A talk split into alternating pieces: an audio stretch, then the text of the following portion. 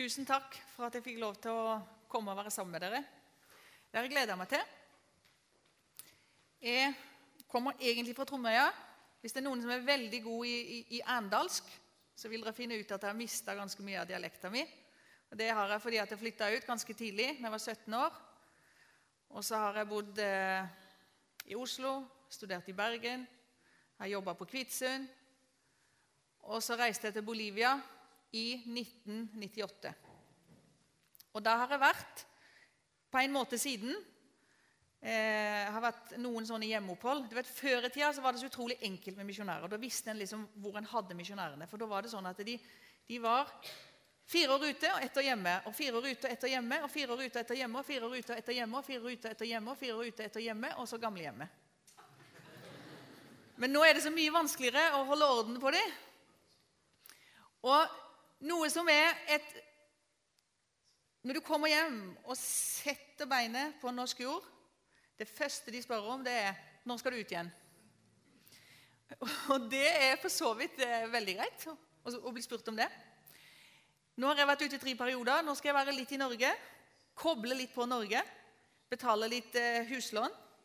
Og så tror jeg det at jeg skal til Bolivia igjen. Men jeg kan ikke si akkurat dato. Men du kan vel ikke si akkurat dato du heller når du skal flytte fra Klepp? Eller bo et annet sted? Men det vil en gjerne ha på misjonærer. da. Men det kan dere ikke alltid få. I dag så har vi en tekst fra Bibelen som står i Lukas 13. Og det er en sånn eh, tekst som er veldig direkte. Den er veldig personlig. Det, det, er en utrolig alvorlig tekst. En veldig radikal tekst.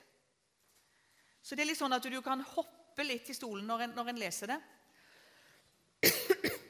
Og jeg tror vi skal lese teksten sammen. Og før det så ber vi. Herre Jesus Kristus, jeg har lyst til å takke deg for at du er sann Gud fra evighet og til evighet.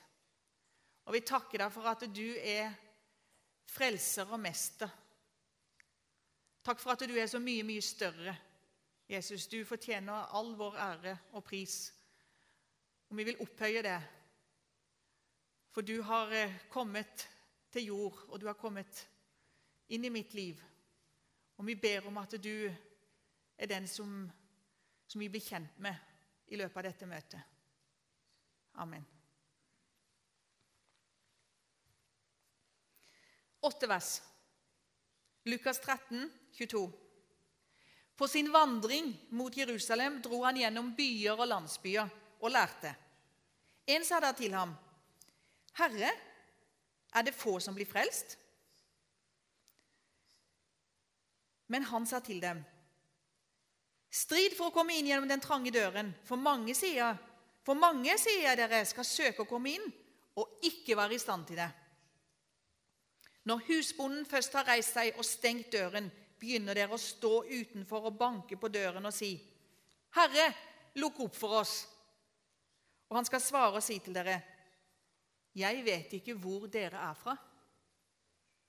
Da begynner dere å si, 'Vi åt og drakk for øynene dine, og du lærte på gatene våre.'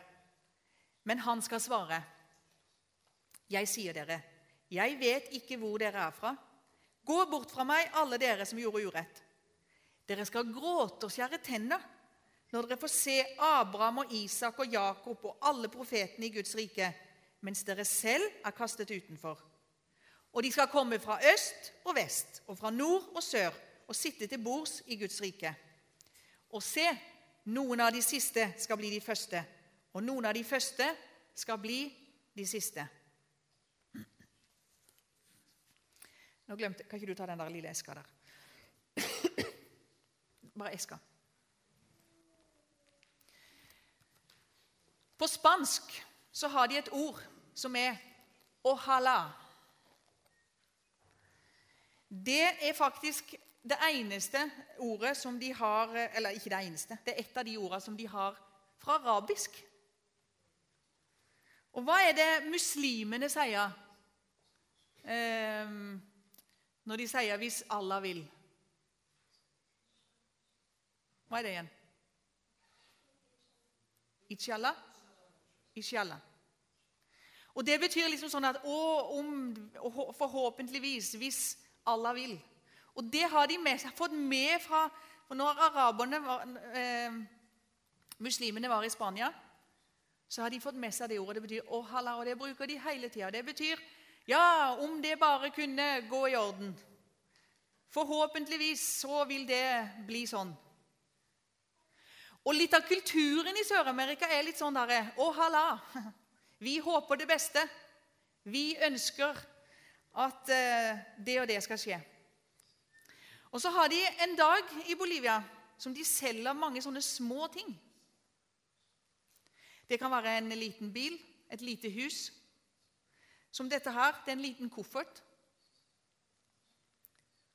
Og så er det penger inni. Og Når du kjøper det da, den eh, Alacitas den 24. januar, så du, får du litt sånn eh, ren alkohol som du spruter på. Og så ber en til moder jord om at i løpet av neste år så må det som jeg har kjøpt nå, bli oppfylt. At jeg kanskje får reise til USA eller Spania, får meg jobb, får meg penger. Denne teksten her, det er ikke en sånn 'Å, hala'. Og måtte det, gå, måtte det gå godt til slutt. Det er en utrolig direkte tekst.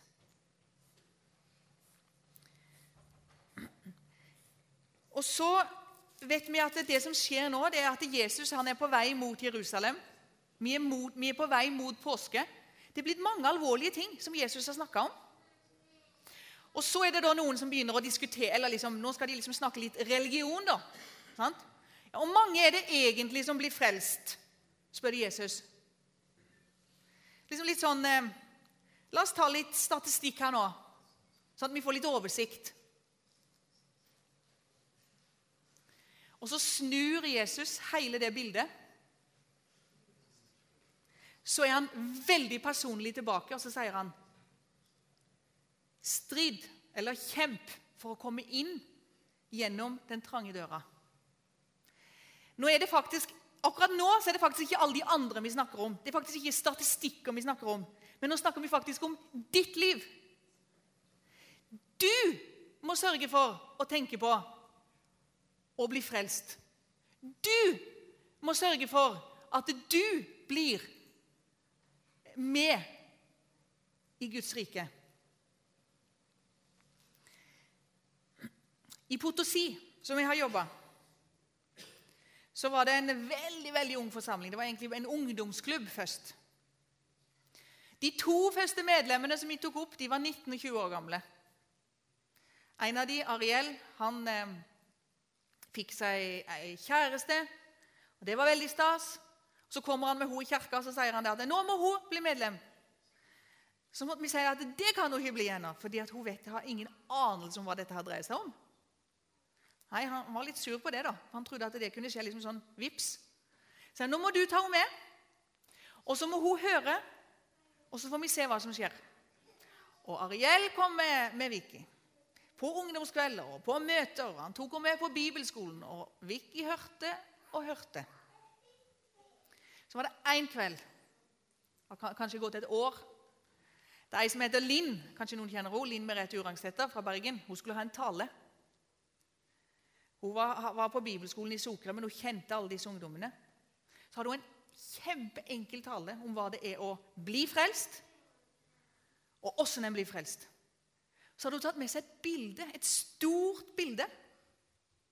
Og Det var et brudebilde av Mette-Marit og Håkon Magnus. Og Så sier Linn det til de som sitter der. så sier hun det. Han som er der, de kjenner jo ikke, kjenner jo ikke de, vet du. Han som står der, han er prins. Han er prins av Norge. Og hun som står der, hun er alenemor og det er forskjellige ting som ikke har gått så bra i livet hennes. Men ved at hun gifter seg med den prinsen, så blir hun prinsesse. Og Håkon Magnus han skal en gang bli konge. Og ved at hun gifter seg med Håkon Magnus, så blir faktisk Mette-Marit en gang prins, eh, dronning. På samme måte, Salin, er det med Guds rike. Hva er det som står i Johannes 1,12? Der står det det. Men alle dem som tok imot ham, dem ga han rett til å bli Guds barn, de som tror på hans navn. Alle de som tar imot Jesus Kristus, blir gjort til et Guds barn. Jeg tror at det eksempelet var mye mye sterkere inn i en søramerikansk sammenheng. Og Det sier jeg fordi at det, veldig mange har hatt et forhold, og så trodde de var noe som skulle bli bra. Og så plutselig så sitter de med et barn, og så sitter de alene igjen med ansvaret. Sør-Amerika det er de millioner kvinners bedradde kontinent. Så sang vi etterpå. Så kommer Ariel, så setter han seg ved siden av meg. Så sier han det. Vicky vil overgi seg til Gud, sier han. Og jeg er jo den da Jeg har fått veldig mye sånn der nøkternhet og skepsis i gave, da. Så jeg sier Ja, vet egentlig eh, Vicky hva det er å overgi seg til Gud? sier jeg. Ja, han mente det. Ja, La meg snakke med Vicky, da. Så kommer Vicky. Så sier jeg, Ariel sier at du vil overgi deg til Gud. Ja, det vil hun. Men vet du Vicky, hva det vil si å overgi seg til Gud? Så sitter hun litt og så sier hun, ja, men er det ikke det Linn har fortalt nå, da? sier hun. Og det måtte jeg jo gi henne rett i. Det er det Lina har fortalt nå. Vil du det? Vil du ha en sånn Jesus? Vil du at Jesus skal gjøre deg til Guds barn? Ja, det vil hun. Etterpå så, så knelte hun ned. Og så sa vi forsakelsen først. Jeg sa det først. Hun sa det etterpå. Jeg forsaker djevelen, alle hans gjerninger, alt hans vesen. Og så ba vi en frelsesbønn der hun ba om at eh, Jesus Kristus måtte gjøre henne til sitt barn. At Hans ånd måtte komme og ta bolig i henne. At han måtte tilgi alle hennes synder. Hun kom inn i Guds rike. Hun ble frelst. Og Da ble plutselig ikke spørsmålet hos ja, og mange blir frelst her, og mange blir frelst i Bolivia, og mange blir frelst i Norge. Og alle sånne statistikker som en eh, leser og ser på. Men da var det plutselig hun måtte bli frelst. Hun måtte kjempe seg inn i Guds rike. Nå er det Ariel som er leder i den menigheten, og gift med Vicky. Kjemp deg inn jeg skal fortelle om en annen som vi får et bilde som heter Felipe. Den siste perioden så underviste jeg på et teologisk seminar. Der var det 15 stykk fra Ecuador, Peru og Bolivia. Kjempeflotte folk. To damer og 13 menn. Fra 28 til 40 år. Og så er det jo masse sånne fag da, vet du, sant? som av og til kan gå litt sånn innledning til Gamle testamentet vet du, og kirkehistorie og misiologi. og sånn. Så skulle vi ha et lite enkeltfag som skulle være veldig praktisk. Vi snakka om eh, tilgivelse, hva det betydde i, i våre liv. Vi hadde litt sånn type hverdagspsykologi. Og så fikk de en utfordring. At de skulle skrive troshistoria si. De fikk velge noe annet òg. Så det var 13 stykk som skrev den troshistoria. Og Jeg må bare innrømme at jeg hadde tatt meg litt vann over hodet når jeg hadde tatt den oppgaven. Så jeg var liksom der. Jeg følte liksom jeg, jeg var liksom ikke på Jeg var, var, liksom ikke helt med, på en måte. Eller jeg lå, lå alltid på bak, bakbeina. liksom, aldri, Hadde aldri forberedt meg nok for, for å undervise der. Ja, så tenkte jeg at den troshistorien det skulle bli kjekt å lese igjennom. du, og, og, sånn, og det ville jo ikke være noe jobb med det. Ikke noe rettarbeid. Og så får jeg 13 besvarelser. Og så på en eller annen måte så har det sikkert blitt en kanal for de til å fortelle alt i livet sitt. Jeg skal ikke si at det var alt. Og bekjenne synder. Da måtte jeg bare legge disputten etter Luthers død og, og litt sånn litt grann til side. For da var det noe som var litt viktigere. Og nå skal jeg fortelle hans historie, og det kan jeg gjøre. Jeg skal ikke fortelle noen av de andre sine historier. Men Felipe han har fortalt sin historie offentlig. Den har eh, eh stått eh, Han har eh, fortalt det i, i et blad. Han har fortalt det på Nordmisjonen sin side på Internett. Så den kan jeg fortelle. Han kommer fra Ecuador. Han, eh, foreldrene hans var de første som ble kristne eh, i Nordmisjonen sitt arbeid i Kanyar. Så han vokste opp i et kristent hjem. Han eh, bekjente seg vel som kristen òg når han var ung. Så han gifter han seg med ei fantastisk flott dame. Og de får tre gutter. Så jobber han i et prosjekt. Og så innleder han et forhold til ei anna dame som går over mange år. Og Det sier seg sjøl at det ble jo fryktelig eh, vanskelig for alle parter. Eh, men hun, kona, reiser ikke. Så var det en gang så fikk de han med på en sånn stor musikkfestival som de hadde der i kirka hans. Og han forteller det, Felipe. Plutselig så taler Guds ord til ham. Når han hører sangene og han hører tale, så er det akkurat som Gud sier Nå! I dag har du din sjanse til å gjøre opp. I dag har du din sjanse til å få tilgivelse. Jeg har vært oppe og besøkt dem så satt vi der i kirka og fortalte han fortellingen om igjen. Du kan ikke se Det der, det er ikke så mange i Sør-Amerika som går med lange fletter, men i den delen der av Ecuador så gjør de det. Han har en lang flette bak og går ofte med poncho. Så forteller Felipe Så vrengte han av seg den store ponchoen. Og så visste han nå eller aldri må jeg gjøre opp det som jeg har gjort galt. Og Så slengte han ponchoen litt lenger bortover. Han visste ikke at det var faren som greip tak i ponchoen hans. Og så gikk han fram, og så bekjente han sin synd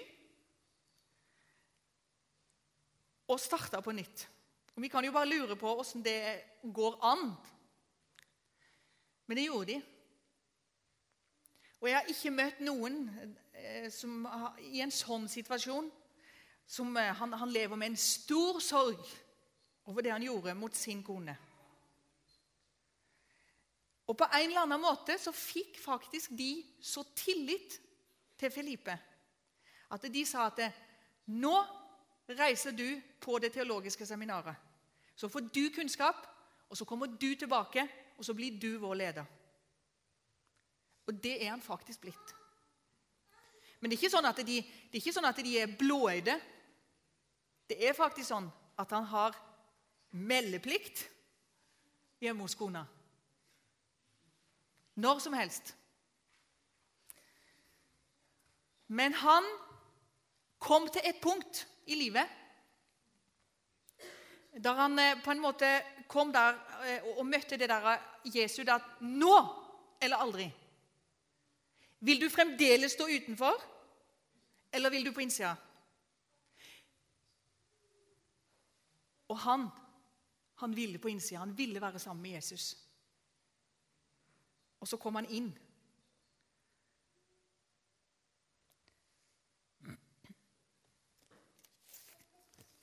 Jeg har, her har jeg en tiårskalender som jeg fikk av min søstre når jeg reiste ut i 1998. Så det er fem år på den sida. Og så er det fem år på den sida. Men nå er jo det godt. 2007 det er jo ferdig for lenge siden, så da kjøpte jeg en ny kalender. Den begynte på 2008, og nå er faktisk de fem åra der òg gått. Så nå er vi på den sida. Jeg har en mor, hadde en mor som levde til hun var 70 år. Og når jeg har de kalenderne der, så forteller det meg noe, og det er det at ja, Det har sikkert noe med den alderen jeg er kommet til òg, men eh, livet er jo veldig kort. Hvis jeg får lov til å lenge, leve like lenge som min mor, så har jeg faktisk en sånn kalender igjen. Jeg har to kalendere igjen, og så seks år. Det er ikke veldig mye.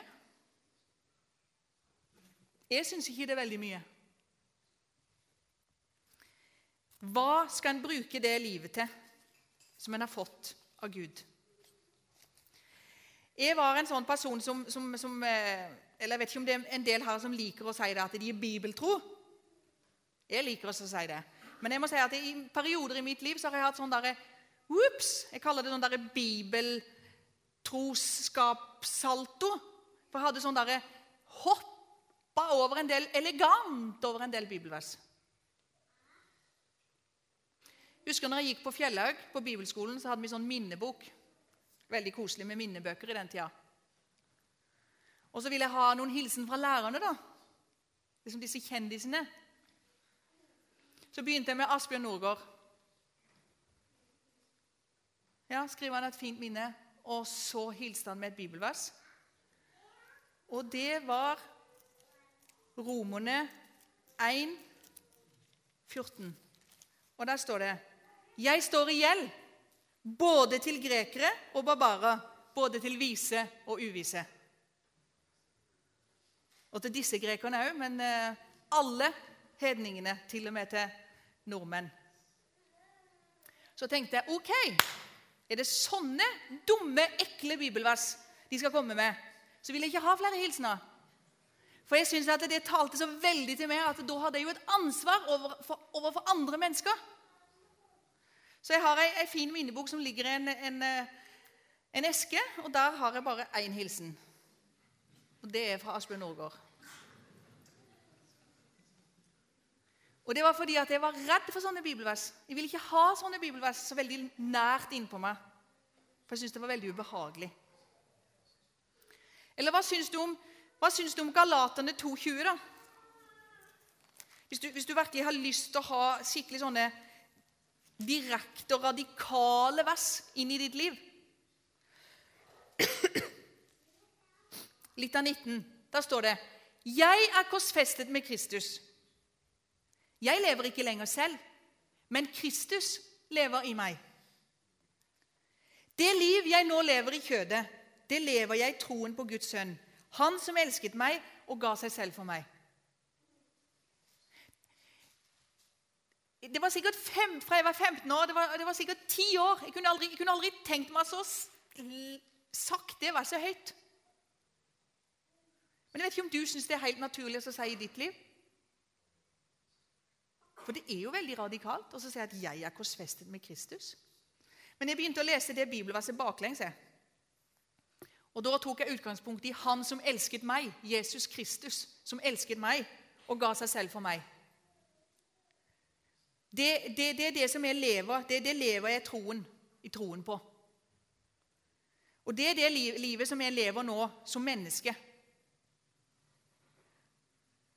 Og da er det egentlig sånn at Kristus lever i meg. Og da lever jeg ikke lenger sjøl. Og det er grunnlaget for at jeg kan si at jeg er korsfesta med Kristus. Jeg tror det er en del av oss som har et sånt forhold til Bibelen som jeg hadde til tyske ordbøker. For jeg var fryktelig dårlig i tysk på videregående. noe så ille dårlig i tysk. Og Da fant jeg ut det, at da var det ikke vits i å kjøpe 'Was bedeutet das'. For det trengte jo ikke jeg som var så dårlig. Men alle forstår jo det at det er jo bare, det er jo bare tullball, for det er jo ikke noe logikk i det. Jeg som var dårlig i tysk, burde jo hatt alle mulige hjelpemidler for å bli litt bedre. Men så kan det virke som om, om en del av oss vi, vi bare liksom satser på at et minimum av kunnskap er nok når det gjelder kristentro. Vi burde jo tenke sånn at vi må jo ha mest mulig. For da eh, vil vi stå bedre rusta. Og Nå skal jeg ta ett sånn der utrolig viktig ord som, som egentlig vi ikke snakker så veldig mye om. da. Det er liksom sånne, det er type kjerneord i kristen tro. Og det er forsoning. Eh, det er faktisk sånn at vi har, det, er et sånn gammelt uttrykk, men det er utrolig viktig. og det er at Vi sier at vi har en forsona Gud. Det høres jo veldig rart ut. For forsona Hvordan forsoner Gud forsona med, med, seg sjøl? Faktisk så er han det. Han er forsona med menneskene òg, men det viktigste er at Gud er forsona med seg sjøl. Da skal jeg bruke et eksempel, eller en historie for å forklare det det, eller først forklare det, det at det, Jesus Kristus døde på korset, det er et offer. Det er rett og slett et offer som Gud krevde for at ikke hans vrede skulle ramme menneskene. Og Det er noe av det som denne teksten her snakker om. At det går faktisk an å stå på utsida og i ettertid angre seg og tenke at jeg skulle jo egentlig ha blitt en kristen. Jeg skulle jo tilhørt Guds folk og Guds rike. Men når Jesus døde, så var det et offer. Og da ramma Guds vrede Jesus. Og Det betyr at den gjelda som jeg hadde, den ble betalt når Jesus døde på korset. Det blir fortalt en historie fra Asia det er sikkert bare en historie for å illustrere noe. da. Det var tre skogsarbeidere inni en enorm skog. Og så oppdager de det at det er en skogbrann på vei. Og de lurer på hvordan de skal klare å komme seg unna dette her. Den ene han begynner å løpe. Men etter noen dager så kommer den store skogbrannen og brenner opp alt, og han dør. Den andre han klatra opp i det høyeste treet han så. Men brannen kom, og han døde. Men den tredje, vet du hva han gjorde? Han begynte å brenne områder rundt seg. Større og større områder rundt seg. Kvadratkilometer rundt seg. Og så stilte han seg da lengst borte fra der som ilden kom. Og hva skjedde når den enorme ilden kom? Og den kom dit som det var brunnet fra før. Hva skjedde da? Ilden falt ned, for det var ikke mer å brenne. Den som er i Jesus Kristus, den står på et sånn område at når, når Guds dom kommer, så, så kommer den det, står I Gamle testamentet står det ofte om Herrens dag. Når den kommer veldig og sterk, så faller den ned. For den som står i Jesus Kristus, står på et område som har tatt den straffen. Og den vil ikke ramme deg. Og Det er grunnlaget for at vi kan komme inn i Guds rike og ha en himmel i vente. Jeg skal ta et annet, sånne, et annet sånn bibelvers som, eh, som, jeg var veldig redd for, som jeg hoppa så utrolig elegant over. Og Det står i 2. Korinterbrev 5. Der står det i vers 15 Og han døde for alle, for at de som lever, ikke lenger skal leve for seg selv, men for han som døde og ble reist opp for dem. Dere husker vel, eh, husker vel Moses når han ble kalt. Så var han veldig uvillig. Og Det ble litt sånn at han, eh, eh, det står ikke akkurat sånn i Bibelen, men det ble litt sånn med Moses at han sa at 'Her er jeg, send Aron'. Og sånn er vi veldig mange av oss. Selvfølgelig vil vi være midt i Guds sentrum og i Guds kjærlighet. Men når plutselig Herren kommer og sier det at 'Jeg har en tjeneste til deg', da ser vi på alle de andre, og de passer så mye bedre. For det passer ikke for meg. Men han døde faktisk for alle. For at du som lever, ikke lenger skal leve for deg sjøl, men for Jesus som døde og oppsto for dem.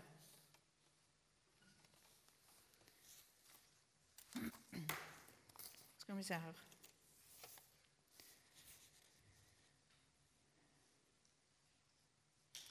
Det er sånne vers som egentlig ikke er så veldig vanskelig å forstå.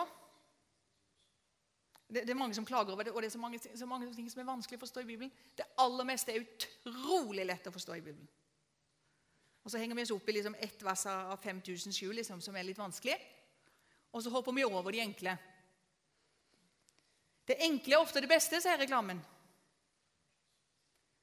Lev for Jesus. Husker du Naman i Gammeltestamentet? Han, eh, han var en syrisk hærfører, og så var han spedalsk. Så var det ei jødisk jente som kommer, eller som var tatt til fange. Og Så sier hun det at ja, men Elisa, Guds profet i Israel, han kan jo kanskje helbrede han. Ja, Naman oppsøker Elisa, og han får beskjed Elisa kommer jo ikke ut engang. Han bare sender liksom en person ut, og så sier han det at du kan dukke deg sju ganger i Jordanelva. Nei. Elva Minokka i Syria og Damaskus den, den var for dum, syns Naman. Han hadde forventa seg et mye mer profesjonelt opplegg. Så han vil reise hjem. Han er sinna. Men så fortjener han å overbevise ham om at det, det, enkle er ofte det beste. Hvis, de, hvis, han hadde bedt om noe vanskelig, så hadde du gjort det med en gang. Men nå ba han deg om noe veldig enkelt. Og så gjorde du det ikke. Og da dukka ja, han seg sju ganger i Jordanelva, og han ble frisk.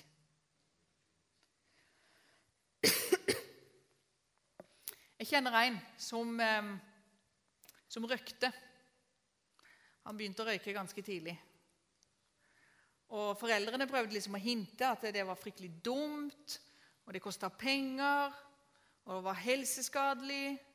Det, sto på sånne røyk, det står på røykpakkene vet du, 'røyk dreper', men nei da. Så var jeg hjemme der. Så sier eh, mora til meg det at 'Du, nå har han slutta å røyke.' 'Å, så bra, da', sier jeg.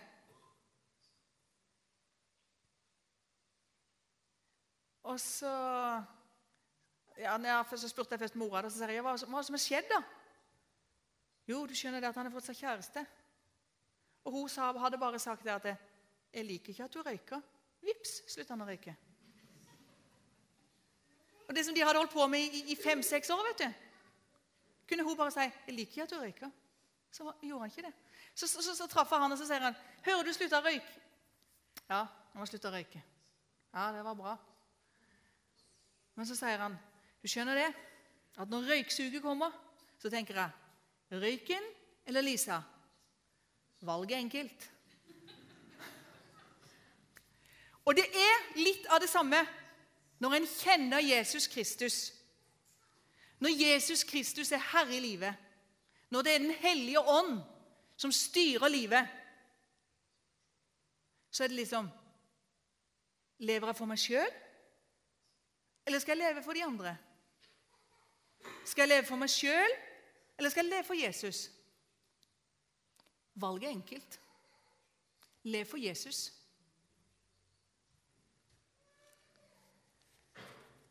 Tenk hvis det sto på en gravstein. Hun visste egentlig ikke hvorfor hun levde. Hun hadde ingenting å leve for. Eller hun hadde ikke noen å leve for. Ja, kanskje bortsett fra seg selv. Hadde jo, da hadde vi jo tenkt at dette var et mislykka liv. Og det er det andre korinterbrev eh, oppfordrer oss til. Han døde for alle, for at de som lever, ikke lenger skal leve for seg selv, men for han som døde og ble reist opp for han. Så kan jo vi Vi lever i 2013. Har Gud styrke og ånd og kraft nok for 2013 sine mennesker? Han har jo det.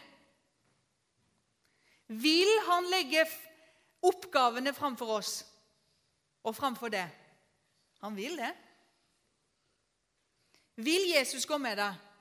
Ja, han vil det. Vil han bruke det? Han vil det.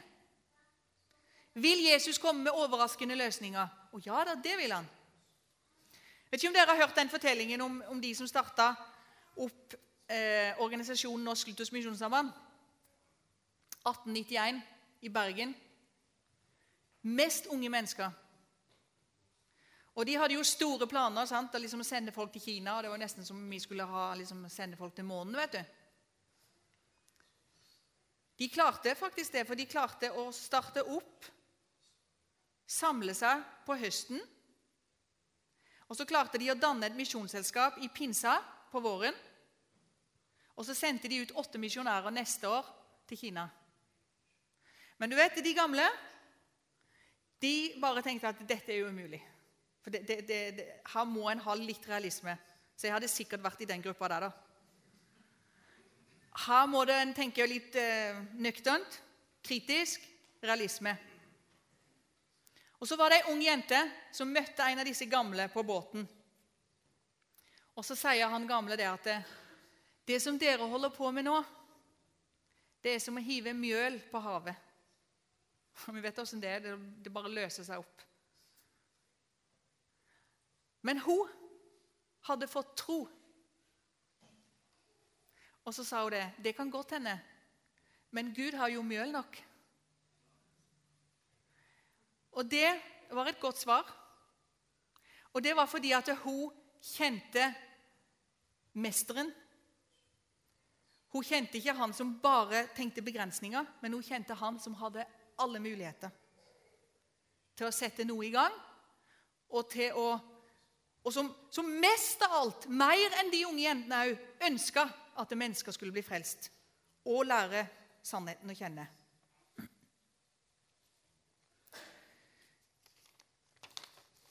I den tida som folk liksom begynte å få mobiltelefon, så fikk min far mobiltelefon. Ikke at han fikk så seint, men det var noe han lærte seg litt seint, og det var at han lærte seg aldri den lyden. Så vi kunne sitte mange, og så var det en, en mobil vet du, som ringte og ringte. Og ingen som tok den. Så sier han, hvem, hvem som telefon? Nei, det er ingen som Så må vi si det, det, er faktisk det er din telefon som ringer. Kan du ta den? Å ja. ja. Så tok han telefonen. Og sånn sitter det hundrevis og tusenvis av kristne. Så, så, så er det, det er noe på øret. Hvis du har Den hellige ånd, så er det faktisk noen budskap som kommer inn på øret. Og, og det er bl.a. at mennesker som ikke har hørt evangeliet, de trenger å høre, høre evangeliet, for de trenger fellesskap med Gud, skaperen, frelseren. Og så, så kommer det på nytt og på nytt. Du skal gå. Du skal sende. Du skal være med. Og så, så er en helt døv. Ingen som hører. Og til slutt så er det noen som sier Det er din telefon som ringer. Nå er det faktisk Herren Jesus Kristus som vil snakke med deg. Først til frelse, og så til tjeneste. Vi skal helt til slutt se en, en, en, en eh, liten video. Det var fra det forrige VM, når Therese Johaug gikk inn til seier. Er det bare noen meter til hun skal inn på stadion? Sola skinner på Therese Johaug. Endelig ble det flott vær. Så skal vi også få norsk dobbeltseier for første gang i dette mesterskapet. Der står det 'gratulerer' på lappen til Egil Kristiansen. Og nå skal vi få høre et Kollenbrøl av de sjeldne. Elektrisk stemning på langrennsstadion. Ja, en fantastisk skijenter. Det er bare å klappe i hendene enten du er i den norske eller svenske kongefamilien nå. Ja, det er en oppvisning av Therese Johaug. Er klar for dagens aller siste høydemetere. Dette er den siste bakken du skal forsere. Marit er eh, oppe på flata før stadion. Therese Johaug har 300 meter igjen av denne tremila. Fortsatt holder han stilen oppe. Her har lagt grunnlaget i Dalsbygda, hvor det er så fine fjell og masse fint uh, terreng. Og der har han trent masse timer, og nå får han vel flagget her òg. Får et norsk flagg av støtteapparatet oppe på det jeg kaller Northug-plata. Det er, det er eh, Dag Kaas som gir eh, flagget til eh, Therese Johaug. Marit Og Johaug inn 150 meter igjen. og Marit lo fælt av lappen hun fikk se. Se på folkehavet. Folkehavet hyller Therese Johaug. Hun kom til VM med ni pallplasser uten en seier i verdenscupen. Og så tar hun det aller viktigste her i VM. Hun tar tremila. Tok bronse som junior. Nå er du senior. Nå er du sjef. Nå er det gull til Therese Johaug. Og to gull i VM da, når vi tar med stafetten. Marit Bjørgen er også inne på stadion. Jeg er så sliten, så sliten. Hun hadde ikke fått gull før. Hun kjempa seg fram til den seieren. Det, er som, eh, det er noen som står rundt i løypa. De er sekundanter. Og De står og forteller de, ikke sant, hvor, hvor, hvordan de ligger an i forhold til sitt skjema, i forhold til de andre. De forteller det at når hun nærma seg, så skrev de ikke flere tall. Da var det en som hadde skrevet på en lapp, og så skrev han bare 'gull'. Og så bare gikk hun inn, for hun gikk for gull. Og det er i grunnen det som er med oss som tror på Jesus Kristus. Vi går for gull. Og så har Jesus Kristus også kalt oss til å være sekundanter. Sånn at det andre kan gå inn til gull. Sånn at du kan være med og heie noen andre inn i Guds rike.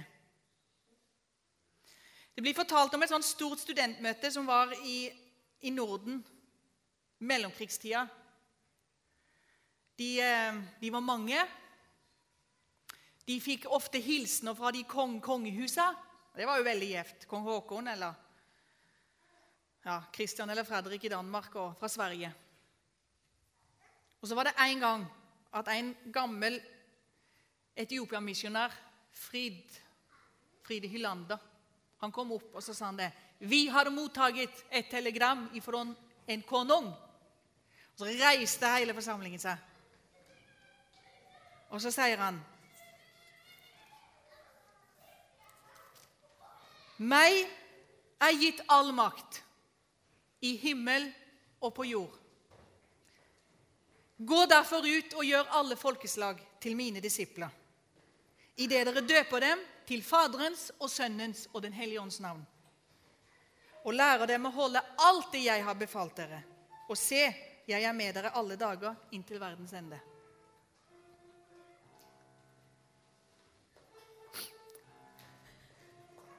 Så sier Frid Hyllanda Telegrammet er underskrevet Kristus Rex. Kristus kongen. Og det telegrammet har du òg fått den 24. februar 2013. Hva gjør du med det telegrammet? Amen.